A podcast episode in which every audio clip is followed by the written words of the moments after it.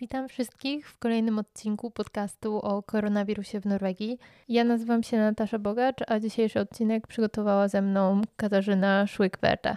W dzisiejszym odcinku mamy dla Was wywiad, który przeprowadziłyśmy w ambasadzie Rzeczpospolitej Polskiej w Oslo a w którym udział wzięły pani ambasador Iwona Wojcka-Żuławska oraz pani konsul Anna Śmiałek-Grzyb. Rozmawiamy, więc no, jakbyście się mogły Panie przedstawić. Iwona Wojcka-Żuławska, ambasador Rzeczypospolitej Polskiej w Królestwie Norwegii.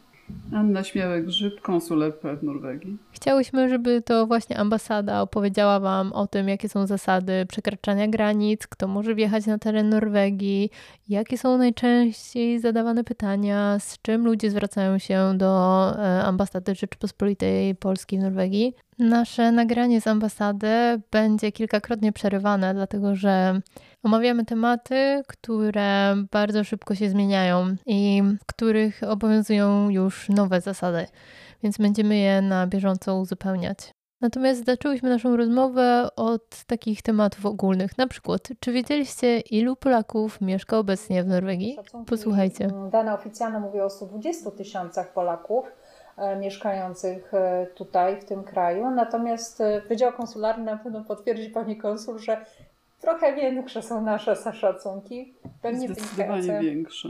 Dokładnie z pracy sezonowej, też rotacyjnej 150-180 tysięcy nawet. Do 180 tysięcy w ciągu tak, roku, a w czasie tak. w okolicy prac sezonowych jeszcze więcej, mhm. nawet powyżej 200 tysięcy Polaków. Nie, no na pewno e, tutaj część osób przyjeżdża z myślą o tym, żeby pobyć kilka miesięcy, potencjalnie kilka lat. Niektórzy zakładają w międzyczasie tak zwanym też rodzinę i też różne są bardzo decyzje. Czy e, zamieszkują później i stwierdzają, że to jest to miejsce, w którym chcą przebywać przez dłuższy czas, faktycznie lata, czy też powrót do kraju, czy też no niestety takie właśnie rozwiązania pośrednie, których tu jest bardzo dużo także ze względu na zapotrzebowanie rynku norweskiego, o czym przekonaliśmy się mocno w czasie pandemii. To znaczy jest bardzo dużo pracy na zasadzie rotacyjnej. Ta grupa po prostu nie myśli na razie przynajmniej o jakimś takim bardziej stabilnym e, przeniesieniu się do Norwegii no bo to jest uzależnione oczywiście od rynku pracy, tak? Ja tak. może tylko dodam, że jednak wzrasta to bardzo pozytywne zjawisko w sensie uświadomienia Polaków. Mhm. Sami dążą do tego, żeby jednak mieć świadomość przysługujących im mhm. praw i postępować zgodnie z zasadami prawnymi. I coraz bardziej wzrasta ilość Polaków, którzy należą do związków zawodowych, mhm. gdzie rzeczywiście znajdują tak. oparcie, znajdują opiekę i co więcej, są nawet we władzach tych związków. Czy Państwo śledzicie, to ja jeszcze, to jest kontynuacja tych mhm. praw pracowniczych, że to jest wyzysk Polaków. Jako, że obie z Katarzyną jesteśmy wolontariuszkami w Caritasie i codziennie spotykamy Polaków, którzy potrzebują pomocy prawnej. Nasza rozmowa szybko zeszła na te tematy. I postanowiłyśmy zachować ten fragment, bo może jest to dla niektórych naszych słuchaczy też ciekawe. Czy można zwrócić się o pomoc do ambasady? To my, to my w Caritasie zidentyfikowaliśmy próby wyjaśniania tych sytuacji, czy znaczy, szczerze mówiąc, takie... Ambasada nie jest w stanie wyłapywać mhm. sama tego rodzaju jest. przypadków, chyba że dostanie informacje o tego rodzaju działaniach, czy negatywnych po prostu praktykach niektórych firm i w tym akurat e, przypadku to też nie do końca my powinniśmy być ich adresatem. Bo jeżeli jest jednak to firma, która działać ma zgodnie z prawem norweskim, to też e, organy norweskie powinny sprawdzać, kontrolować, ewentualnie ścigać przestępstwa dokonywane na ich terenie. Jesteśmy nieraz rzeczywiście jak gdyby adresatem e, skarg i wówczas też musimy przestrzegać tego rozdziału kompetencji, tak? Że nie do nas należy na przykład ściganie tutaj, broń Boże, tego rodzaju przypadków. Tak? Możemy zgłaszać, powinniśmy to zgłaszać. E, zachęcamy też osoby, które byłyby poszkodowane do tego, żeby przeszły całą procedurę bo dzięki temu mogą mieć szansę na rekompensaty, na odzyskanie nieraz dokumentów, no w zależności oczywiście od tego, czego konkretna sprawa dotyczy. No tutaj na pewno Wydział Konsularny ma wiele takich um, bardzo różnorodnych e, przypadków, otrzymuje sporo było w czasie tym ostatnim też. Mhm. Z tym, że też jest jedna zasada. Z mocy przepisów prawa mhm. my nie możemy występować jako pełnomocnicy tak, naszych tak. obywateli. My możemy wskazywać, do mhm. jakich instytucji powinni się zgłosić z daną sprawą. Jeżeli sprawa rzeczywiście przekracza tak. pewne granice i wręcz wskazuje na popełnienie przestępstwa, możemy mhm. przesłać taką informację, co nie jest mhm. równoznaczne z zawiadomieniem o popełnieniu przestępstwa, bo tego nam robić nie wolno. Natomiast, mhm. jak mówię, głównie nasza działalność tutaj ma mieć znaczenie udzielenia informacji, mhm. wskazania możliwych instytucji, do których się można skierować. Mhm. Poza tym y, próbujemy również y, pomóc naszym obywatelom poprzez podjętą przez nas akcję bezpłatnego poradnictwa tak. prawnego. I rzeczywiście mhm. funkcjonuje to bardzo dobrze. Mhm. Mhm. Zarówno obywatele są zadowoleni, przynajmniej tak wskazują na to in, informacje, tak, jakie uzyskujemy od naszych obywateli jak i rzeczywiście mamy y, dużo informacji przekazywanych przez prawników w sensie jakiej skali problemu to dotyczy, jakich dziedzin prawa, gdzie jest największe zapotrzebowanie, zainteresowanie i y, faktycznie funkcjonuje to podobno bardzo dobrze z tego, co jak mówię uzyskujemy. W tym momencie rozmowa zeszła na temat, który poruszaliśmy w poprzednim odcinku, mianowicie praw Polaków, którzy przebywają obecnie w Polsce bez prawa do backpanger. Zapytałam się panią ambasador, czy um, strona polska ma zamiar przyłączyć się do apelu, który wystosowały do władz norweskich dwa związki zawodowe, o których mówiliśmy podczas ostatniego odcinka. Oto jaką odpowiedź uzyskałyśmy. Może, albo konsulat może się w jakiś sposób do tego apelu przyłączyć? Znaczy stroną tego nie możemy być, właśnie, bo to jest też dokładnie na takiej zasadzie, jak nie możemy być e, przedstawicielem któregoś z naszych obywateli tutaj mhm. wobec e, państwa, władz państwa przyjmującego. Ale no oczywiście, jeżeli dostaniemy tego rodzaju e, konkretną informację, prośbę o wsparcie, to możemy właśnie później dalej różnymi kanałami e, zwracać uwagę, tak, że tutaj placówka ma świadomość tego, że są, e, trwają tego rodzaju dyskusje, że uprzejmie prosimy władze norweskie o to, żeby, prawda, i tutaj możemy w zależności od tego, jakie też są oczekiwania, e, wskazywać na te rozwiązania, które byłyby satysfakcjonujące, tak, dla dla polskich pracowników Norwegii. Właśnie im bardziej pokazujemy, że nie dotyczy jednego pojedynczego przypadku, tylko że to dotyczy całej grupy, mm. to jest to oczywiście ma większą też e, siłę mm. przekonywania. To, na co nam najczęściej e, nasi obywatele zwracają uwagę, to jest kwestia kwarantanny. I to jest, staje się problemem e, dosyć istotnym. Kwarantanny, która obowiązuje zarówno w Norwegii, jak i w Polsce. Teraz zmniejszono tutaj w Norwegii do 10 dni, no ale nie zmienia to faktu, że ta kwarantanna jest i dotyczy wszystkich tych, którzy przekraczają granicę. Mm, no teraz przede wszystkim szwedzką, ze względu na brak e, połączeń lotniczych międzynarodowych. I tak samo w Polsce, tak, gdzie jest e, nadal 14-dniowa, dwutygodniowa kwarantanna. I oczekiwania są takie, żeby po prostu ona nie dotyczyła tych pracowników, chociażby, którzy w systemie rotacyjnym E, my oczywiście przekazaliśmy tego rodzaju sygnały od razu do, do tych ministerstw, które u nas odpowiadają za podejmowanie decyzji. Mm, oczekujemy teraz na. Tutaj musimy wstawić pierwszą aktualizację naszego wywiadu. Otóż e, reakcja ministerstw nadeszła, nadeszła dosyć niespodziewanie w sobotę 16 maja. Kwarantanna po przyjeździe do Polski dla Polaków, którzy pracują w krajach Unii Europejskiej, a także Europejskiego Obszaru Gospodarczego, czyli to znaczy również Norwegii, została zniesiona. Na pytania wielu Polaków w Norwegii dotyczące tego, dla kogo konkretnie i pod jakimi warunkami ta kwarantanna jest zniesiona, odpowie nam teraz rzecznik prasowy Straży Granicznej. Posłuchajcie. Porucznik Straży Granicznej Agnieszka Goliat, rzecznik prasowy komendanta głównego Straży Granicznej. Zwolnienie z kwarantanny dotyczy osób, które przekraczają polską granicę stanowiącą granicę wewnętrzną w celach służbowych, zarobkowych bądź zawodowych. Jest to bardzo szeroki katalog czynności, które osoba musi wykonywać e, w Polsce bądź też e, w krajach e, Unii Europejskiej bądź Europejskiego Obszaru Gospodarczego, ale także w Wielkiej Brytanii i Szwajcarii.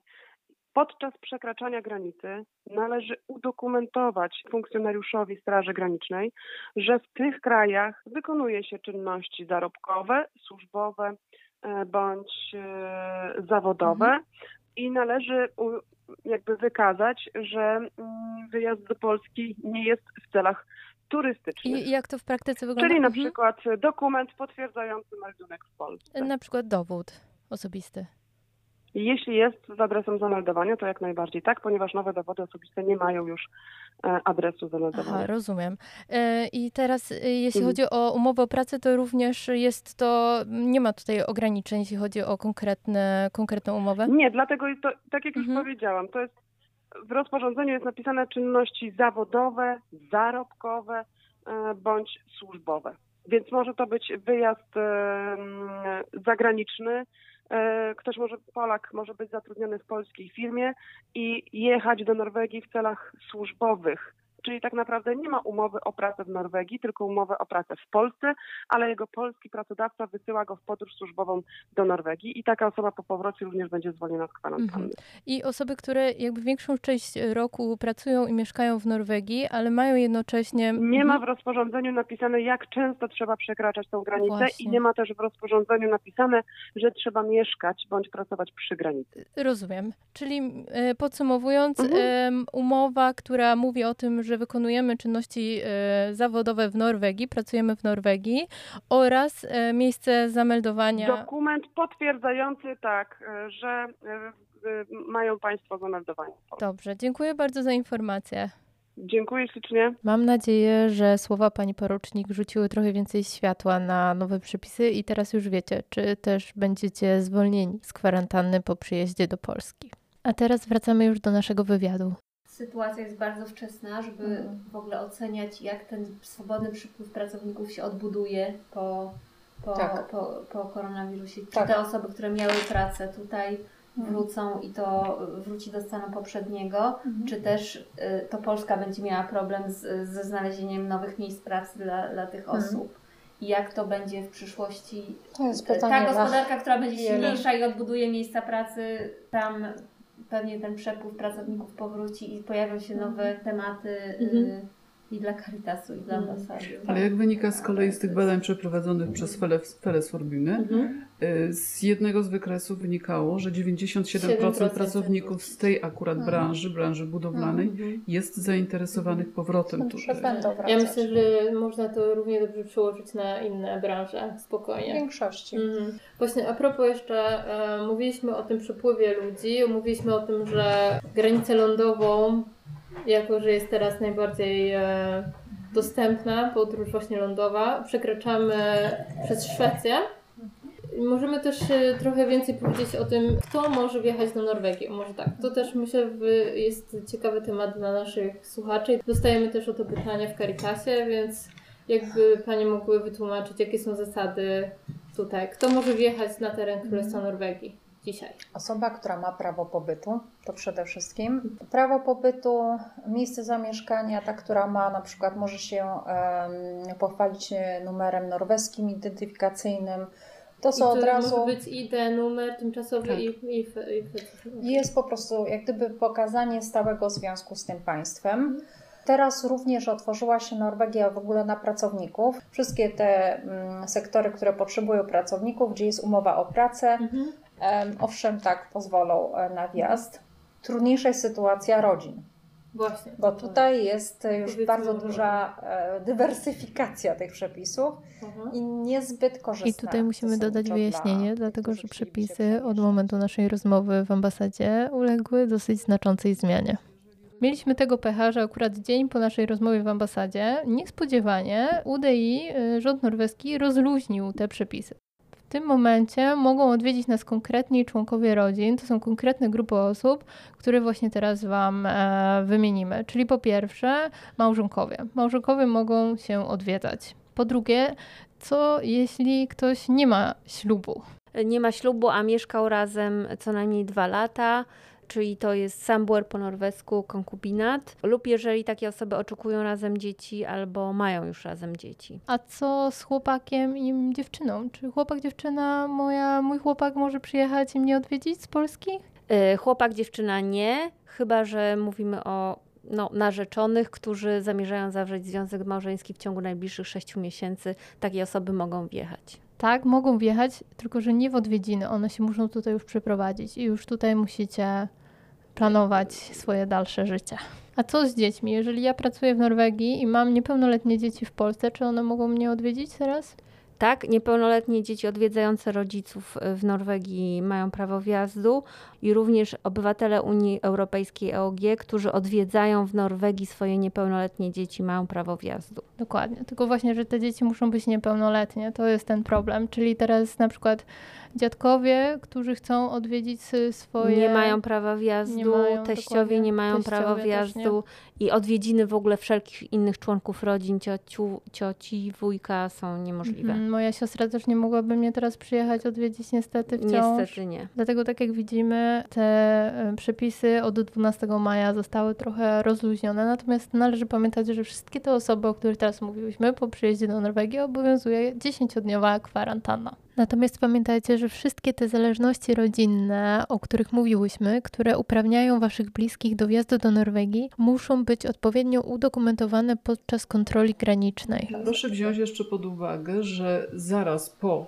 ogłoszeniu tych wszystkich ograniczeń, w momencie, kiedy została podjęta akcja lotu do domu, tak. Ogromna ilość osób poleciała do Polski nie celem pozostania tam li mhm. tylko, ale spora część potraktowała to właśnie jako wyjazd tej newralgicznej sytuacji, mhm. w którym jeszcze zastanawiały się, co zrobią, czy wrócą mhm. tutaj, czy nie wrócą chciały wrócić tam, pozostały w tej chwili mhm. tam. W tej chwili bardzo często wracają do Norwegii. Bardzo duża ilość osób z tych mhm. lotów właśnie wraca. Wjazd jest ograniczony właśnie do tych osób, mhm. które albo mogą udokumentować prawo pobytu tutaj w Norwegii, stałego pobytu, pracę, Mhm. Wówczas jest mhm. rzeczywiście otwarta granica. Umowa o pracę otwiera. Umowa o pracę, tak. tak. To znaczy są, są wiadomo jeszcze osoby, które pracowały tutaj na zasadzie samo. I tutaj znowu pojawia się szereg nowych pytań, jeśli chodzi o umowę o pracę, które pozwolą nam przekroczyć granicę z Norwegią. Otóż na stronie UDI możemy się dowiedzieć, że chodzi o kontrakt, który podpisaliśmy z norweskim pracodawcą. Także wiemy, że przy kontroli granicznej, którą w tym momencie sprawuje policja, musimy okazać naszą umowę o pracę. Jeżeli na tej podstawie właśnie wjeżdżamy do Norwegii, to może być kontrakt podpisany z norweskim pracodawcą. To może być kontrakt z polskim pracodawcą, który wysyła nas do pracy w Norwegii. Wtedy musimy mieć jakąś formę potwierdzenia od y, norweskiego zleceniodawcy. Możemy być też samozatrudnieni w Polsce i udokumentować, że nasza firma dostała zlecenie od norweskiego klienta w Norwegii. Możemy również być samozatrudnieni w Norwegii albo planować utworzenie firmy w Norwegii. Tutaj możemy na przykład pokazać dokumenty, w których y, będzie opisane, jakiego rodzaju firma to będzie, jaka będzie nasza rola w tej firmie oraz najlepiej też y, pokazać y, planowany budżet. Przyjechały do Polski, może przebywały już w Polsce zanim zamknięto granice a które też utrzymują się ze świadczeń NAW, więc takie osoby nie mają umowy o pracę, którą mogą przedstawić mhm. przy kontroli na granicy i dlatego też zastanawialiśmy się, jak to wygląda. Ale mają ten związek z Norwegią, bo tak. jeśli już otrzymują tak. świadczenia tak. NAW, to znaczy, że muszą tutaj mieć jakieś prawo pobytu, albo to z ograniczonym numerem, albo całkowicie. Więc to już mhm. jest podstawa prawna do wjazdu. Mhm. Oczywiście należy pamiętać o tym, że w każdym przypadku organem decydującym o wjeździe jest Straż Graniczna. Właśnie. Straż Graniczna ma zawsze prawo zapytać o dowolną ilość dokumentów, które mhm. mają przekonać Straż Graniczną o tym związku z Norwegią, a mhm. zatem o zgodności wjazdu z obowiązującymi mhm. regułami prawnymi i ma również w każdym momencie możliwość odmowy takiego tak. wjazdu. I my też y, dostajemy takie sygnały od ludzi, którzy y, w tym czasie, dosyć niedawno, tydzień temu przekraczali tę granicę, jak wygląda to w praktyce.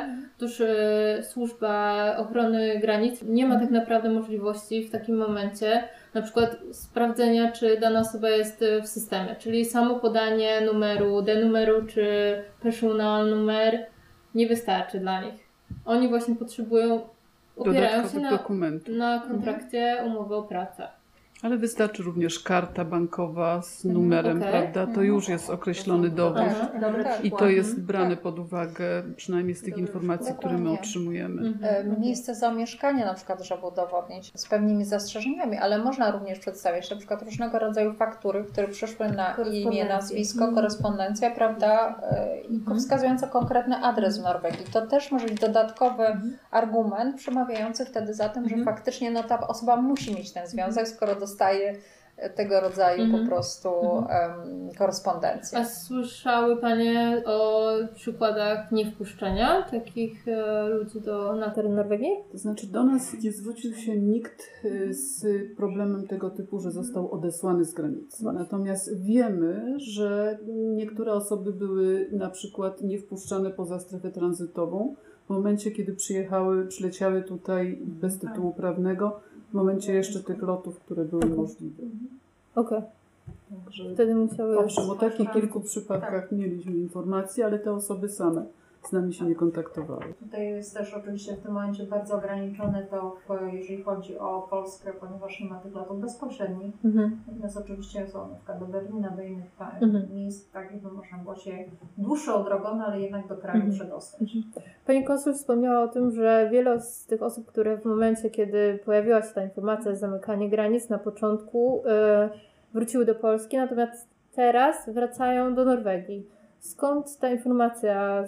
Są jakieś liczby konkretne? Telefony. Okej. Telefony, tych telefonów w tej chwili jest właściwie ogromna ilość osób, które zdecydowały się wrócić do Polski w okresie lotów do domu, natomiast teraz chcą wrócić tutaj do Norwegii do pracy. Okej, I one dzwonią do konsulatu. Możliwość transportu, możliwość Okej. przyjazdu. Z reguły są to osoby z prawem do pracy, Mhm. także nie powinny mieć problemów z Tak. przyjazdem. przyjazdem. Codziennie jest wiele takich telefonów, Wiele. mniej więcej 20, 50, 100. Różnie. Okej, okej. Do 160 O. dziennie mamy telefonów, Wow. w tym rzeczywiście kwestia ewentualnej możliwości. Z tym, że głównie możliwości nie w sensie prawnym, tylko w sensie faktycznym, czyli jakie Jak? środki transportu, czy jakie dostać się. granice są otwarte. Tego typu mamy przeważającą ilość telefonów w chwili obecnej. W tym momencie na pewno słyszycie, że jakość nagrania uległa dużej zmianie. Otóż, tak jak mówiłam w pierwszym odcinku, nie jesteśmy profesjonalnymi radiowcami, cały czas się uczymy i w tym momencie, tak jak słyszeliście, wyłączył się jeden e, z naszych dyktafonów. Także ostatnie minuty naszego nagrania pochodzą z tak zwanego backupu. Przepraszamy za usterki techniczne. Przynajmniej tą część najważniejszych informacji podają w chwili obecnej w języku polskim. E, Bo większość tych takich podstawowych pytań naprawdę można spokojnie w tym momencie na nie udzielić samemu sobie w pewnym sensie odpowiedzi, czytając tylko te informacje, które, które są na tej stronie. Tutaj pani konsul i pani ambasador odsyłają naszych słuchaczy do kilku stron internetowych. Linki do tych stron, na których znajdziecie też informacje w języku polskim i z których my też korzystałyśmy, znajdziecie w opisie tego odcinka. Tak, to też jest zrozumiałe. No tak, ale No. 160 telefonów na dzień to jednak nie jest Tak. Na koniec rozmawiałyśmy o najczęściej zadawanych pytaniach, które i e, ambasada, i my w Caritasie dostajemy. Jak wiadomo, bardzo wiele osób zainteresowanych jest e, zasadami kwarantanny, ale jak się okazuje, zawsze znajdą się osoby, które bardziej są zainteresowane sposobami jej obejścia. Tylko czy mądre jest pytanie ambasady o to, jak obejść kwarantannę? Oczywiście już pomijam takie, jak ominąć kwarantannę, bo takie też się zdarzają. Tu już odsyłamy do przepisów prawa Tak. stricte. To myśmy chyba takich pytań jeszcze nie Ja miały. nie wiem. Ale to faktycznie jest bardzo dużo, jest duża dyskusja na ten temat w mediach społecznościowych, że nikt nie sprawdza, że to nieważne, że to nie jest tak jak w Polsce, że można to obejść. Ale tak należy tak poinformować wówczas obywateli zarówno o zagrożeniu 20 tysięcy karą grzywny, jak i Tak, ewentualnie bo kary grzywny- są słone, to Tak. jest e, równowartość Znaczy może, zarobku. może wydawać się, że nikt nie sprawdza, ale mm, nawet wysyłaliśmy do kraju informacje o tych najwyższych karach, które tutaj zostały nałożone w, w związku właśnie z łamaniem zasad kwarantanny. Aha. To jest Czy 15, byliście 20 Polacy? tysięcy. Nie mamy takiej informacji, ponieważ w większości no to są informacje mniej lub bardziej medialne, tak? więc nie podaje się najczęściej nazwisk, narodowości, więc trudno nam się domyśleć. Natomiast no, to powinna być przestroga też dla tych osób, Mhm. że jednak, zwłaszcza w mniejszych miejscowościach, Gdzie ta społeczna to kontrola nie jest tak, że nie podlega się pewnej kontroli też społecznej. Dokładnie. Więc silna. e, no to jest państwo, które podkreślają e, władze norweskie, polega czy opiera się na zaufaniu, ale to znaczy, że też opiera się na kontroli społecznej w pewnym sensie, tak? Że tutaj ludzie zwracają uwagę na to, e, że ta osoba, która no, gdzieś nie było przez ileś tam czasu nagle się pojawia, to mogło się łatwo domyśleć, tak. I dokładnie. Mamy jeszcze jakieś Ja pytania? dziękuję. Żeśmy wyczerpałyśmy chyba naszą listę, więc e, dziękujemy bardzo za Bardzo czas nam poświęcony, za to, że mogłyśmy tutaj dzisiaj przyjść, zadać te pytania, uzyskać bardzo dobre odpowiedzi, konkretne, to było bardzo przydatne. Dziękujemy bardzo też. I to już wszystko w trzecim odcinku naszego podcastu o koronawirusie w Norwegii. Mam nadzieję, że dowiedzieliście się czegoś więcej, czegoś konkretnego o zasadach przekraczania granic i o nowych zasadach kwarantanny w Polsce. Ale też mam nadzieję, że dowiedzieliście się czegoś o tym, jak działa, jak pracuje nasza ambasada Rzeczpospolitej Polskiej w Norwegii. Jeżeli ten odcinek się Wam spodobał, jeżeli znacie kogoś, kto też mógłby być zainteresowany, śmiało wysyłajcie mu linka. Ja już dziękuję wszystkim za uwagę. Życzę wszystkim dużo zdrowia i do usłyszenia w następnym odcinku.